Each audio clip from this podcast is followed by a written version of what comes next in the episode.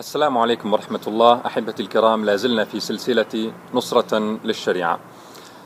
تذكرون في الحلقة التاسعة عندما قلت لكم قد لا يطالب العاملون للإسلام بإعلان الجهاد لتحرير بلاد المسلمين المحتلة من اليوم الأول من استلامهم للحكم وقلت لكم في حينه قد هذه لها قصة تأتي. ما قصة قد؟ عندما استلم صلاح الدين الأيوبي حكم مصر كان وضعها أليما قد لا يختلف كثيرا عن وضعها الحالي. فقد كانت ترزح تحت احتلال الدولة العبيدية المسماة بالفاطمية 200 سنة. وهي دولة مارقة من الإسلام عملت على طمس عقيدة أهل السنة والجماعة في مصر وعلى نشر الفسق والفجور. وكانت بلاد المسلمين الأخرى تتعرض لحملات الصليبيين. وعندما استلم صلاح الدين الحكم بدأ الصليبيون يشنون الحملات على مصر ماذا فعل صلاح الدين؟ هل هادن الصليبيين؟ وقال أتدرج في تعليم الناس الدين فقد طمست معالمه أثناء حكم العبيديين بل أعلن الجهاد ووضع لشعب مصر هدفا واضحا تحرير القدس وباقي بلاد المسلمين المحتلة كان نور الدين قد صنع منبرا ليوضع في الأقصى فأصبح لدى أهل مصر هدف سام عال واضح هو هو وضع المنبر في الأقصى. شعب مصر المنهك المجوع المروع الممزق نتيجة لحكم دولة الزندقة العبيدية لمئتي عام عندما وضع له هدف سام عظيم تحرير بلاد المسلمين أصبح شعبا عظيما تطلعاته عظيمة اهتماماته عظيمة معنوياته عظيمة فتلاشت آثار الحكم العبيدي وكان خلاص القدس على يد هذا الشعب.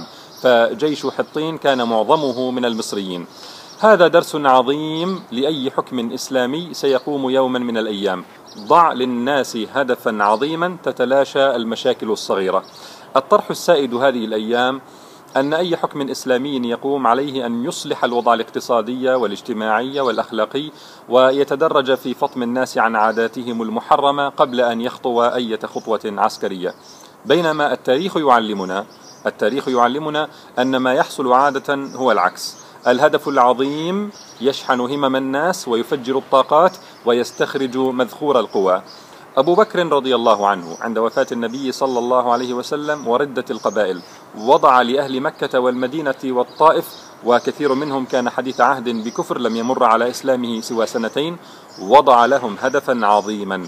بعث أسامة لقتال الروم عملا بأمر رسول الله صلى الله عليه وسلم.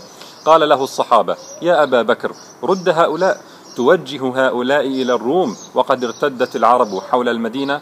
فقال أبو بكر والذي لا إله إلا هو. لو جرت الكلاب بأرجل أزواج رسول الله ما رددت جيشا وجهه رسول الله ولا حللت لواء عقده رسول الله صلى الله عليه وسلم. فوجه أسامة لقتال الروم فجعل لا يمر بقبيل يريدون الارتداد إلا قالوا لولا أن لهؤلاء قوة ما خرج مثل هؤلاء من عندهم. يعني لولا أن أبا بكر والصحابة عندهم جيوش كثيرة لما أخرجوا هذا الجيش لقتال الروم في هذا الوقت العصيب. قالوا ولكن ندعوهم حتى يلقوا الروم. فلقوا الروم فهزموهم وقتلوهم ورجعوا سالمين فثبت على الإسلام كثير ممن فكر في الردة. هدف عظيم. الطاعة المطلقة لرسول الله صلى الله عليه وسلم. لم يكن هدفا واقعيا ولا منطقيا بحسابات البشر لكنه فجر الطاقات وشحن العزائم. تصور معي لو قام حكم الشريعة في مصر مثلا وأطلق الحكام شعار مصر أمل الأمة مصر أمل الأمة أو خلاص الأمة على أيدينا أو لن ننكسر لغير الله أو سنعيدها خلافة على منهاج النبوة. شعار أخروي عظيم عال على مستوى الأمة كم سيكون لذلك من أثر في نفوس أهل مصر أو أي بلد هل يتوقع حينئذ أن يطالب أحد من شعب مصر حكامه بإعطاء الحرية للفنانين والمغنين؟ هل ستطالب المتبرجة حينئذ بإعطائها الحق أن تلبس ما تشاء؟ هل ستثار قضية السياحة والشواطئ والدخل الذي تدره السياحة؟ هل ستثار قضية حرية التعبير في نقد الإسلام؟ بمجرد وضع هدف سام فإن الناس سينسون هذه الترهات والسخافات والرأي العام سيحتقر هذه الطروحات. نريد إنقاذ الأمة وأنت تقول غناء تريدين أن تتبرجي في دولة تطمح لإقامة الخلافة من جديد؟ أصحاب هذه الطروحات الهزيلة سيصبحون منبوذين.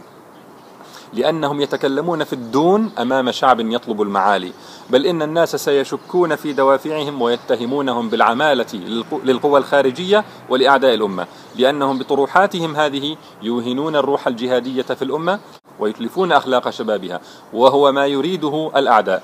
فلا خيار للعلمانيين والمنافقين ومتبعي الأهواء والشهوات لا خيار لهم إلا أن يتبنوا الشعارات العالية أو أن يلجموا أفواههم ويخفوا بضاعتهم الكاسدة المقيتة فالمجتمعات عالية الطموح تنبذ مثل هذه الطروحات هل كان المنافقون يثيرون مثل هذه الطروحات في عهد النبي صلى الله عليه وسلم؟ طبعا لا، لأن المجتمع الجهادي المنشغل بالمعالي سينظر إليهم باشمئزاز واستهجان.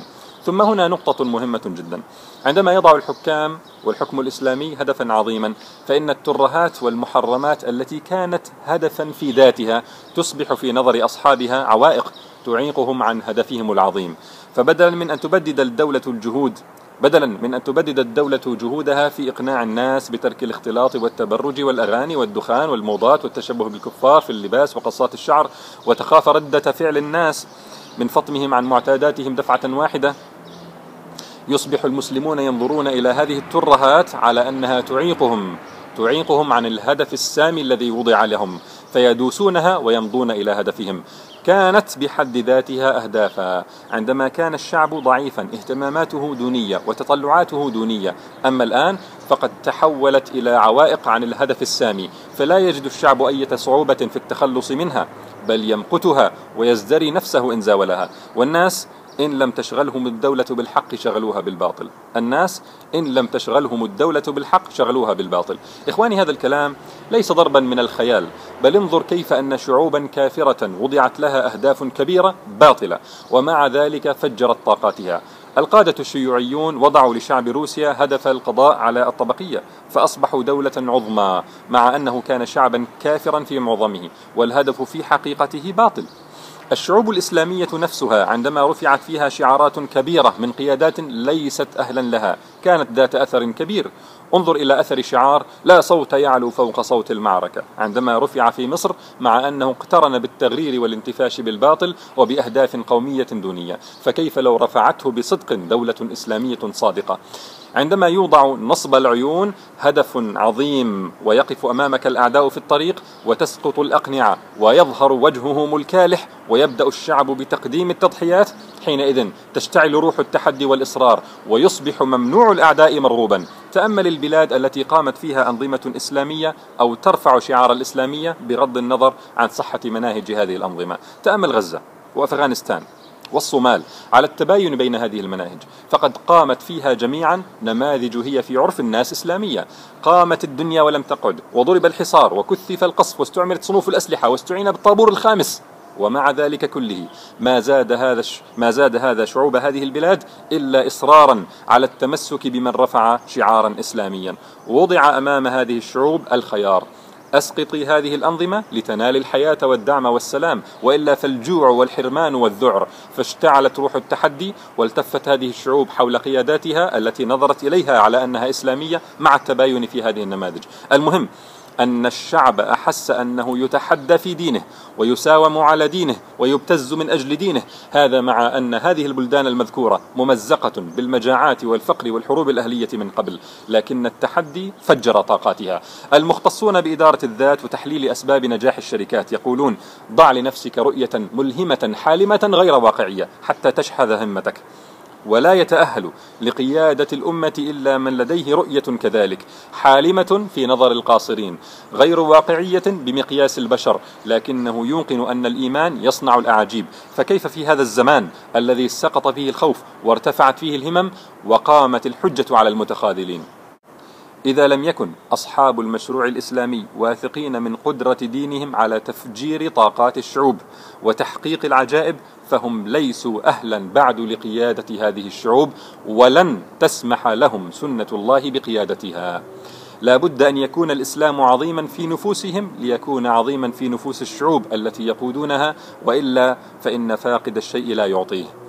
كانت هذه دروسا من الرجل الأول في قصة الرجال الثلاثة. الرجل الأول كان صاحب طموح عظيم يريد أن ينقذ زوجته وأولاده من النار وأن يقاتل أعداءه. فأعلن ذلك وسعى فيه بوسعه وطاقته. ماذا عن الرجل الثاني؟ هذا ما سنعرفه في الحلقة القادمة بإذن الله. خلاصة الحلقة. لأي حكم إسلامي يقوم وضع هدف عظيم سيكون خير وسيلة لاستخراج طاقات الشعوب. وتربيتها والتخلص من مشاكلها وفطمها عن عاداتها السلبية وتوحيدها على هذا الهدف. والسلام عليكم ورحمة الله.